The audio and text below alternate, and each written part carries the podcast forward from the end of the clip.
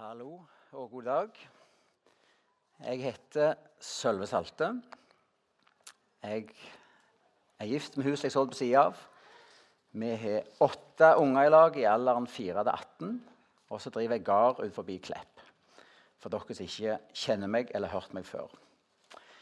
Jeg var så heldig for en del uker siden her på Fokus å få tale om himmelen, om håpet vårt om å bli nyskapt, om å få møte Jesus igjen. Og Det er jo et budskap Bibelen har som er knytta til at Jesus kommer tilbake eh, for å hente oss. Eh, men til budskapet om Jesu gjenkomst så er det også knytta budskapet om dommen. Og Det skal jeg få lov til å dele med dere nå i dag. Eh, for ja, det er vel et par år siden så var Hege med meg en lørdagskveld. Vi kjørte sørover. Vi skulle til Ogna, og jeg skulle tale der. Og Da spør Hege når er godt på vei og sitter og sikkert sminker seg i Bibelen. Ja, hva er det du skal tale om i kveld? Jo, så sier jeg det var dommen. Og da sier hun skrekk og gru. Jeg trodde vi skulle ha det koselig. Så om det akkurat blir plent koselig i dag, det vet jeg ikke. Men jeg tror det blir nyttig, utfordrende og forhåpentligvis også noe lærerikt.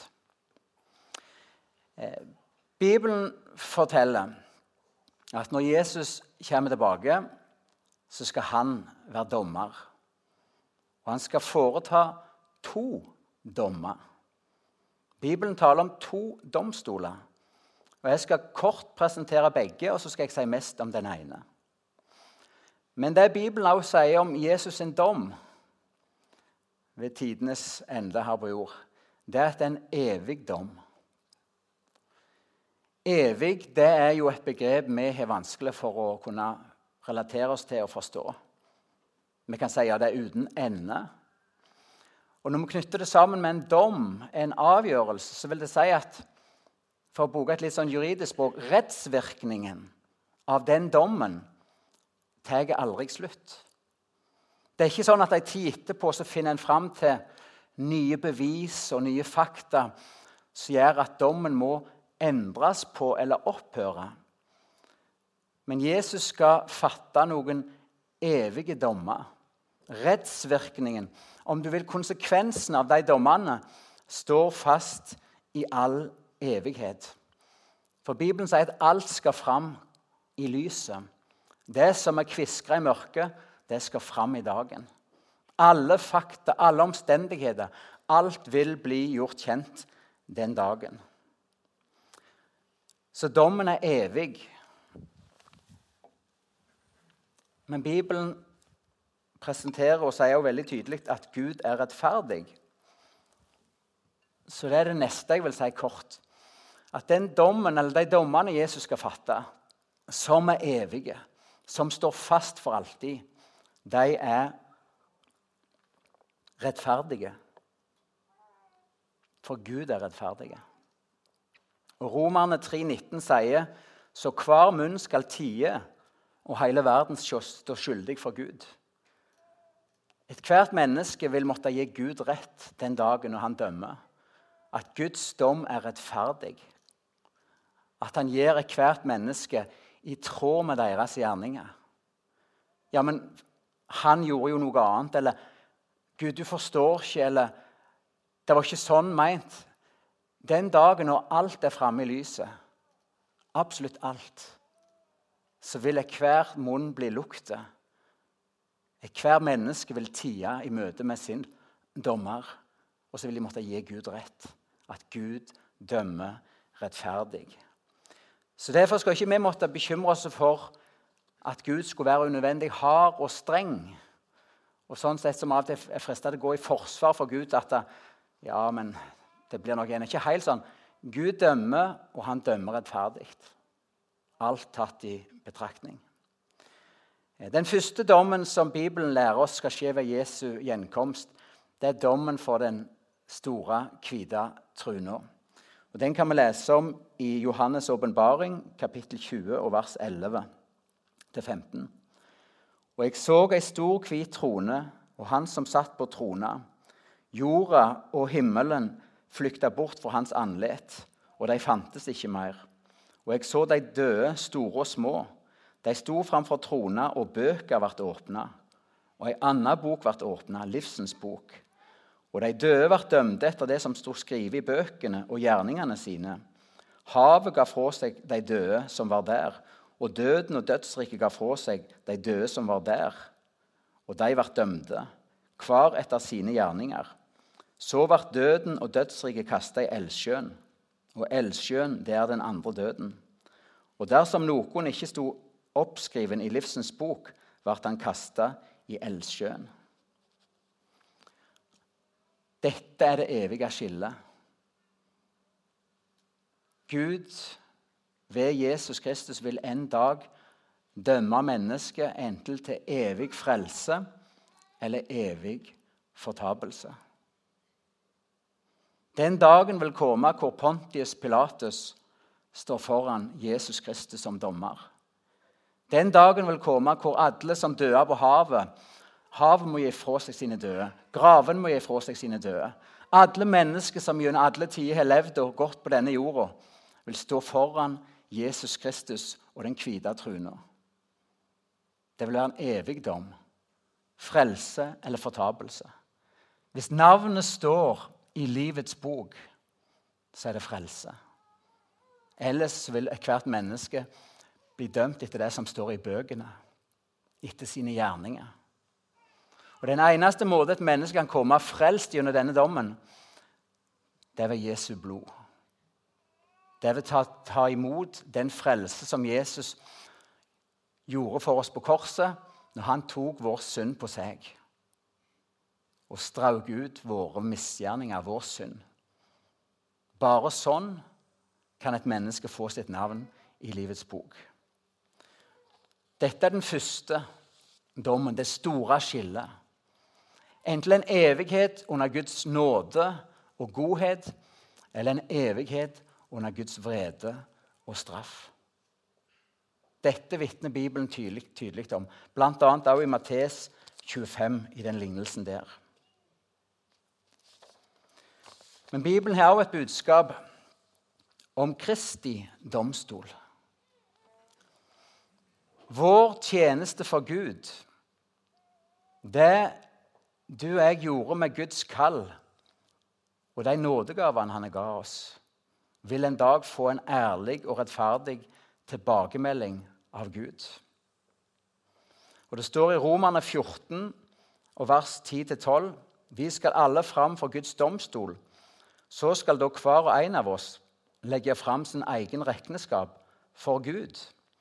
Og I 2. Korinterne 5,9 så står det Derfor, enten vi er hjemme eller har flytta bort, setter vi vår ære i å være til glede for Han.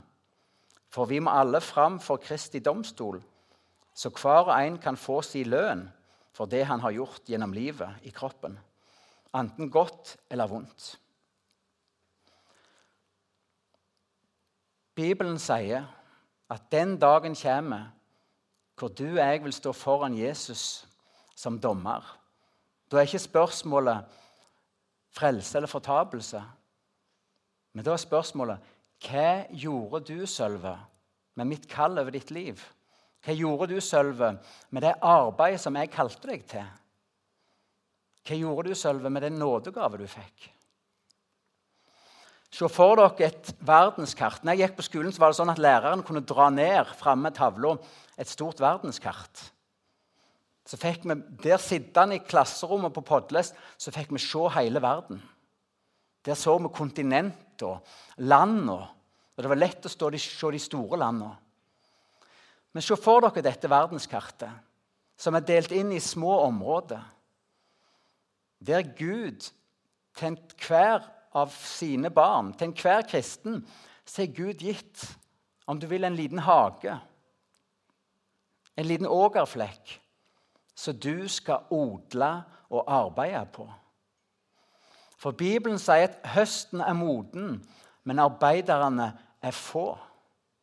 Gud har en stor haust av mennesker som han ønsker å hauste inn til evigheten. Men han trenger arbeidere. Derfor er enhver kristen han er også en Guds medarbeider. Du har fått en oppgave av Gud. Ja, for å være i dette bildet. Du har fått en liten ågerflekk som du skal odle og eie, eller odle arbeidet på. Du har fått redskapet du skal bruke her. Gud har betrodd deg noe. Han har gitt deg noe for at du skal forvalte det. Og det har betydning for andre menneskers evighet. For høsten er moden, og arbeiderne er få. Så Hvis vi skal ta det store bildet Alt vi kristne gjør i tjeneste for Gud, har på en eller annen måte sammenheng med innhaustning. Om vi ikke sjøl tenker sånn. Tjenesten i heimen eller i gata eller på arbeidsplassen eller i menigheten. Vi er små brikker. Vi har fått noen hakker og spader og klippetenger og diverse. Vi har fått noen redskap som vi sammen bruker i tjenesten for Gud. For at hans hus skal bli fullt. For at de haus, markene som er klare til innhaustning, skal bli hausta. Så Derfor forstår vi at dette arbeidet er uendelig viktig for Gud. Og vi har fått et stort ansvar, en stor oppgave, at vi har fått vår del i dette arbeidet. Og det er det ansvaret vi skal stå ansvarlige for for Kristi domstol. Hva gjorde du med Guds kall over ditt liv? Hva gjorde du med de talenter som han betrodde deg? Og For å få litt mer kjøtt på beinet så skal vi lese noe sammen fra Matteus, kapittel 25.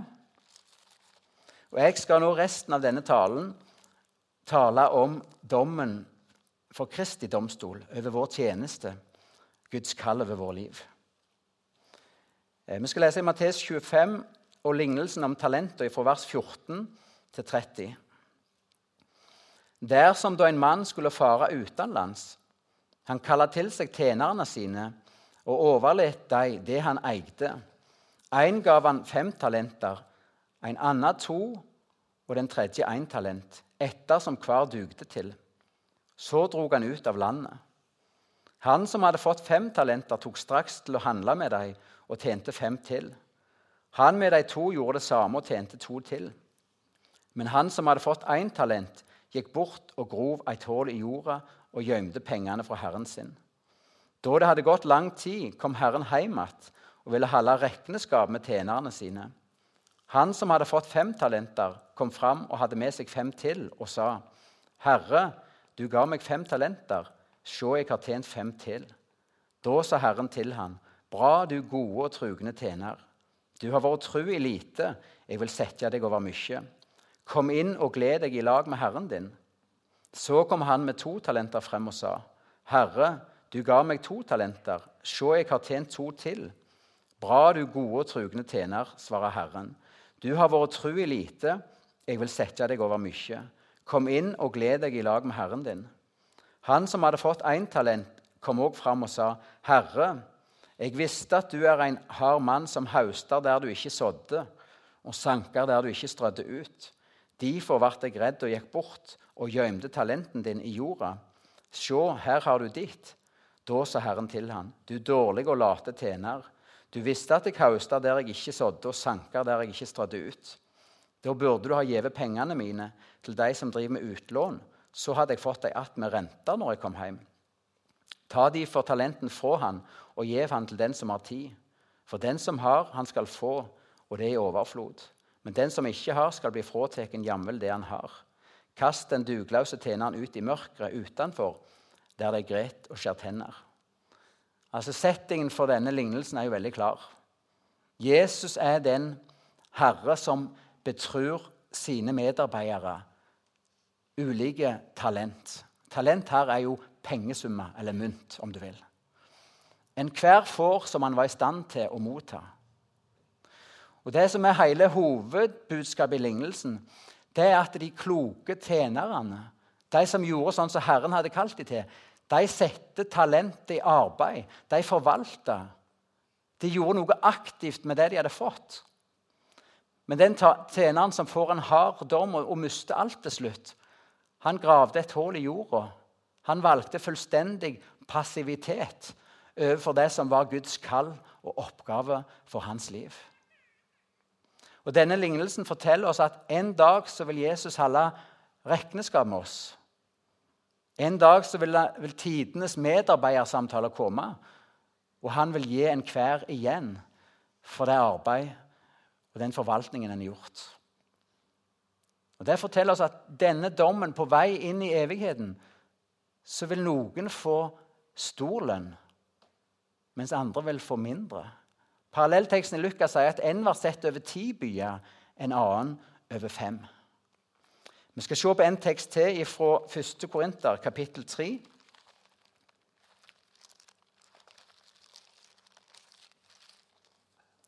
Fra vers 10. Etter den nåde Gud har gjeve meg, har jeg lagt grunnvollen som en klok byggmeister, og andre bygger oppå. Men hver enskild må være nøye med hvordan han bygger. For ingen kan legge en annen grunnvoll enn den som alt er lagt, Jesus Kristus. Men om noen bygger på denne grunnvollen med gull, sølv eller dyre steiner, med tre, høy eller halm, så skal det en gang vise seg hva slags arbeid hver enskild har gjort. Herrens dag skal gjøre det klart, for den dagen blir åpenbæra med eld, og elden skal prøve det hver enskild har gjort. Om det byggverk noen har reist, blir stående, skal han få lønn. Om det brenner opp, må han lide tapet. Sjøl skal han bli frelst, men bare som gjennom eld. Altså, denne teksten taler også om å få lønn, eller miste sin tiltenkte lønn. Og Det skal skje ved Herrens dag, altså som da er dommens dag, når vårt arbeid og tjeneste skal prøves med eld. Hvorfor er det så viktig for Gud at du og meg gjør det arbeidet som han har kalt oss til. Jeg har allerede sagt det, men jeg vil bare understreke det. Det er fordi høsten er moden, og arbeiderne er få. Gud har en rik og stor haust av mennesker som han vil hauste inn til det evige liv. Men så er utfordringa arbeiderne er få. Og så vet Gud bedre enn noen av oss at en dag så er haustetida over. En dag er det for seint å få i hus det som sto klart til å bli hausta inn. En dag kommer dommen, og da er det for seint. Ingen av oss kristne er kalt til å være såkalt tribunekristne. Det er jo fristende å bli at en blir sånn som bare kommer og ser på. Vurderer hvordan, ja, hvordan talte Aslak eller Sølve eller Peri i dag, eller hvordan var det med lovsangen, eller Vi bare vurderer, men vi tar ikke del. Og Nå mener jeg ikke å si at alt Guds arbeid skjer innenfor menigheten. Slettest ikke. Men det kan være lett å bli en som bare er passiv. En som vurderer og resonnerer og tenker hvordan andre er gjort. I plassen for å spørre seg sjøl det viktigste spørsmålet hva gjør jeg med Guds kall over mitt liv? Hva gjør jeg med de talent og oppgaver som Gud har bedt meg om å forvalte og utføre? For å være en kristen det er til å være et elska barn av Gud. Du er Guds barn, og du er høyt elska. Og prisen for deg er betalt. Men å være en kristen er også å være en forvalter. En som har fått nådegave og oppgave av Gud. Og Gud forventer truskap og innsats av sine medarbeidere. Og Det er faktisk så flott at vi har fått, ifølge Bibelen, nåde til å arbeide.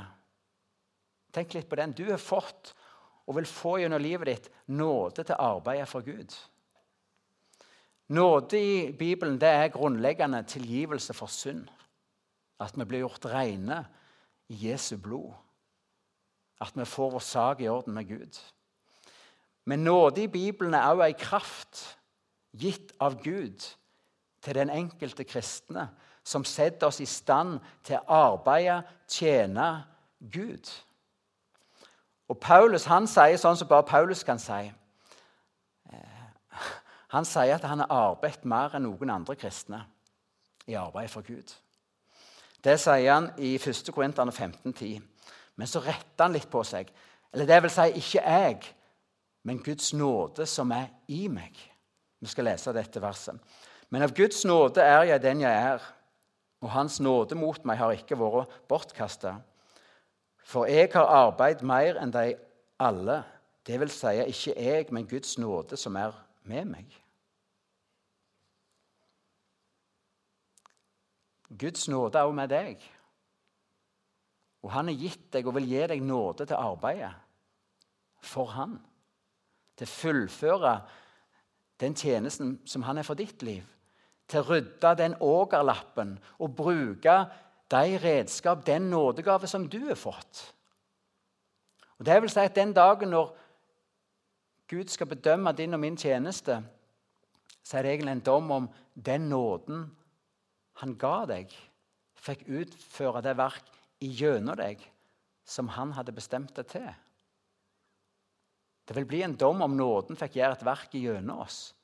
Om nåden han ga, fikk bli til arbeid på ågerlappen, tjeneste for Gud, ved bruk av de redskap som den enkelte hadde fått. Så står det så flott i 1. Peters brev, kapittel 4, vers 10.: Tjen hverandre hver og en med den nådegave han har fått, som gode forvaltere av Guds mangfoldige nåde. Altså, Vi skal tjene hverandre med den nådegave vi har fått, som gode forvaltere. Og så syns jeg det er så flott det står 'av Guds mangfoldige nåde'. Altså Guds nåde er så rik, så mangfoldig, har så mange farger, nyanser og fasetter at Gud trenger utrolig mange forskjellige personligheter, hender, for at bare en glimt av denne nåden skal komme til uttrykk. Guds nåde er mangfoldig. Og Vi skal også tenke stort om hva som er Guds kall over våre liv. Hvor vi tjener på Gud, om det er i arbeid eller menighet eller i heimen. Men du har fått og får nåde, og den er mangfoldig. Og den er nok. Nok for meg og nok for deg til å arbeide og fullføre det arbeidet Gud har gitt oss. For Kristi domstol så vil en sannhet bli veldig tydelig. Det er den bibelske sannhet at den som er tru i smått, vil bli sett over mer. Du trufast og gode tjener, du vår tru i lite, jeg vil sette deg over mye, sa Jesus i lignelsen. Det vil bli åpenbart for denne dommen. Og Sånn er det jo litt òg her i livet. Altså, jeg tenker Dette gir mening for oss. Den som tar ansvar og forvalter og passer på sine oppgaver, han syns vi er i stand til og også fortjent til å få større oppgaver og mer ansvar. Som et lite eksempel når jeg har avløsere hjemme på gården, og hvis jeg skal reise vekk to uker på sommerferie, så vil ikke jeg velge den avløseren som jeg vet springer forest gjennom fjoset, slarver mest, ikke får med seg kua som ligger for å kalve, eller den som ligger kald av melkefeber, eller roboten som er stoppet. Jeg vil ha en som jeg vet tar ansvar, som utfører oppgavene, som gjør arbeidet. Og Sånn gjelder på så mange områder her i livet.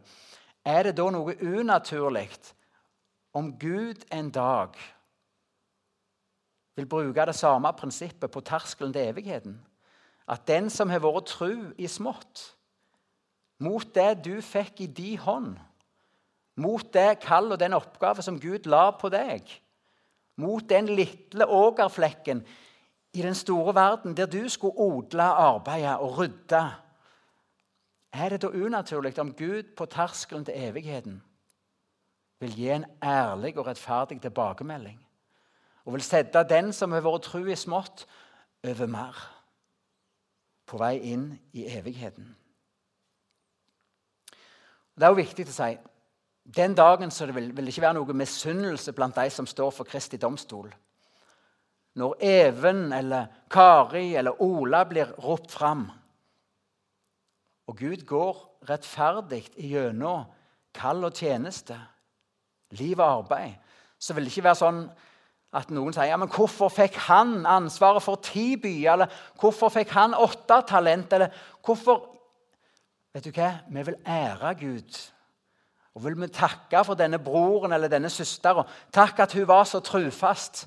Takk at hun sto på sin post, at hun, full, at hun fullførte tjenesten sin. Og Den dagen er jeg sikker på det vil bli mange aha-opplevelser. Det som så smått ut for oss mennesker, kanskje er det det som blir løfta fram og gitt størst ære av Gud. Det som vi ikke halvt for å være ei kjempe i Guds rike. Kanskje det var kne, de knelende knærne på den gamle dama som får den største ære for Kristi domstol. Og det vi halvt for stort, kanskje det viser seg ikke være så stort. Men vi vil gi Gud rett. Vi vil ære han og takke han for de rettferdige dommer som han her vil felle. Det vil være forskjeller i himmelen. Det høres jo veldig feil ut når jeg sier det, men det vil faktisk være ulike i himmelen. Ikke i den forstand at vi er alle frelst av Jesu blod. Vi er alle gjort rettferdige ved lammets offer. Vi er alle frelst av bare nåde. Men det vil være ulike oppgaver, tjenester, ulik ansvar og myndighet som er forvalt i himmelen. Det er en vrangforestilling tror jeg er ganske utbredt, at alle gjør det samme i himmelen, og alle har den samme posisjon. Da er det viktig å si at himmelen er ikke et demokrati, men et kongerike, et kongedømme. Gud sitter på truna. De tolv apostlene sitter på sine truene. De 24 eldste sitter på sine truene. Og så gir Gud ansvar, oppgave og myndighet til den enkelte innbygger av himmelens rike. Og dette blir utdelt for Kristi domstol. Ved terskelen til evigheten så vil Gud belønne truskap i dette liv. Du gode og tru tjener. Du var tru med det lille jeg ga deg. Se her, her er du åtte byer. Her får du denne oppgaven. Du er betrodd. Nåden den visker jo vekk vår synd. Men den nåden som vi får av Gud til å tjene arbeidet, den visker ikke vekk vår ansvarlighet som tjenere og forvaltere. Men motsatt, den gjør oss i stand til å tjene og forvalte. Og fullføre oppgavene som Gud har for oss. Da blir det jo et viktig spørsmål for hver og en av oss. Hva er det Gud har lagt i din hånd? Hvis du ser for deg igjen dette verdenskartet, hvilken liten ågerflekk er det du har fått? Hva redskap har Gud bedt deg om å bruke? Hvilken nådegave har du fått? For når vi står for Kristi domstol, så kan det jo ikke være sånn at vi skal bli bedømt for alt vi har gjort i kristelige sammenhenger, eller alt det andre sa vi burde gjøre siden vi var kristne. Men målet for dommen må jo være hva kalte Gud deg til? Og hva gjorde du med hans kall? Hva arbeid ba Gud deg om å utføre? Hva gjorde du med det arbeidet? Det er din og min tjeneste som skal bedømmes ut ifra Guds kall.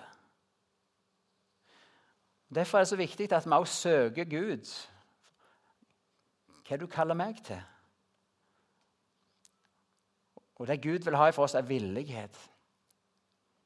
Det sitter gjennom mange her i dag som Du vet ikke alt. Hva er det Gud har kalt deg til? Hva ågerflekk er det du har fått? Hva redskap, hva nådegave Gud lagt i din hånd? Gud trenger villighet. Her er jeg, Jesus. Bruk meg. Skal vi ikke være så redde å prøve å feile og finne oss fram til de ågerflekka oppgaver. Så jeg er sikker på at det er sånn at vi gjør mange ting som vi ikke engang var klar over var en tjeneste for Gud. Men Gud vil ha villighet. Men Da er det så viktig at vi, vi spør oss sjøl hva har du Gud, og hva, spør Gud hva har du kalt oss til.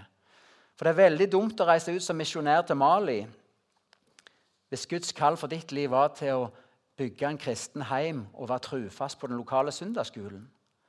Det er dumt å reise rundt som forkynner hvis Gud har kalt deg til å være forretningsmann og vil velsigne din forretning Og I tillegg er gitt deg nådegave til å være en giver i Guds rike, sånn at du skal investere og gi inn i Guds rike. Altså, Guds nåde er så mangfoldig. Vi må ikke prøve å kopiere hverandre og tenke ja, hvis jeg skal tjene Jesus, så skal jeg gjøre det akkurat likt sånn som Peri eller Aslak eller Olaug eller Siv. Nei, Gud har et kall for ditt liv. Gud har gitt deg en ågerlapp. Gud har gitt deg noen redskap. Bruk det Gud har gitt deg. For det er til det Gud har gitt deg, du har fått nåde til å fullføre. Vi kan ikke få nåde til å fullføre andres tjeneste, men vår egen tjeneste. Vårt eget arbeid. Ventetid. Vi som kristne venter jo på at Jesus skal komme tilbake. Det er noe vi gjør som folk. Er et folk som venter. Men denne ventetid det er ei arbeidstid. Arbeid er et ord som går igjen og igjen når Bibelen taler om tida fram til Jesu gjenkomst. Den gode tjeneren som var i arbeid når Herren kom. Den kloke forvalteren som arbeidet og brukte talentet, pundet, den tida Herren var vekke. Og Bibelen sier høsten er moden, arbeiderne for med andre ord det er mye arbeid som gjenstår. Og Misjonsbefaling er jo et kall til oss kollektivt til arbeid. Gå derfor ut. Gjør disipler. Enhver av oss som har prøvd å oppdra unger, vet jo vet du hva, Det er ikke gjort av seg selv å oppdra en unge. Det er mye arbeid, det. Å gå og gjøre disipler, det er jo arbeid. Så Gud kaller oss til å ta del i dette arbeidet. En dag så skal Gud felle noen evige beslutninger som aldri vil bli oppheva eller forandra. Den dagen kommer, dommens dag, hvor Gud vil dømme alle mennesker enten til evig frelse eller evig fortapelse. Dette er det store skillet. Men det fins òg en dommens dag for Guds folk. En dag der Gud vil bedømme din og min tjeneste for Han. Hva vi gjorde med talentene, pundet vi fikk, nådegavene han ga oss, arbeidet vi ble betrodd. Vår trufasthet som forvaltere, vår lydighet mot Guds kall, vil den dagen bli bedømt og belønt. Vi kan få full lønn eller vi kan miste vår tiltenkte lønn. Jeg vil vi alle skal reise oss nå mot slutten. Stå litt sammen. Høsten er moden. Arbeiderne er få. Gud kaller deg, og Gud kaller meg, til å ta del i dette arbeidet. Derfor har han gitt til deg en ågerflekk du skal odle og forvalte og arbeide på. Han har gitt deg nådegaver, redskap du skal bruke. I dag skal du få en anledning til å gi respons på det du har hørt. Du som ønsker å odle og arbeide på den ågerlapp som Gud har gitt deg. Du som ønsker å forvalte det talent du har fått, og bruke den nådegave Gud har gitt deg. Du kan komme fram her, så vil jeg be ei kort bønn for deg. Dette er bare en mulighet til respons. Jeg venter ikke lenge, men du som ønsker å markere dette for deg sjøl i dag Ja, jeg vil ta del i dette arbeidet. Jeg vil forvalte min ågerflekk. Jeg vil bruke den nådegave jeg har fått. Du kan komme fram, så skal jeg be ei bønn for deg.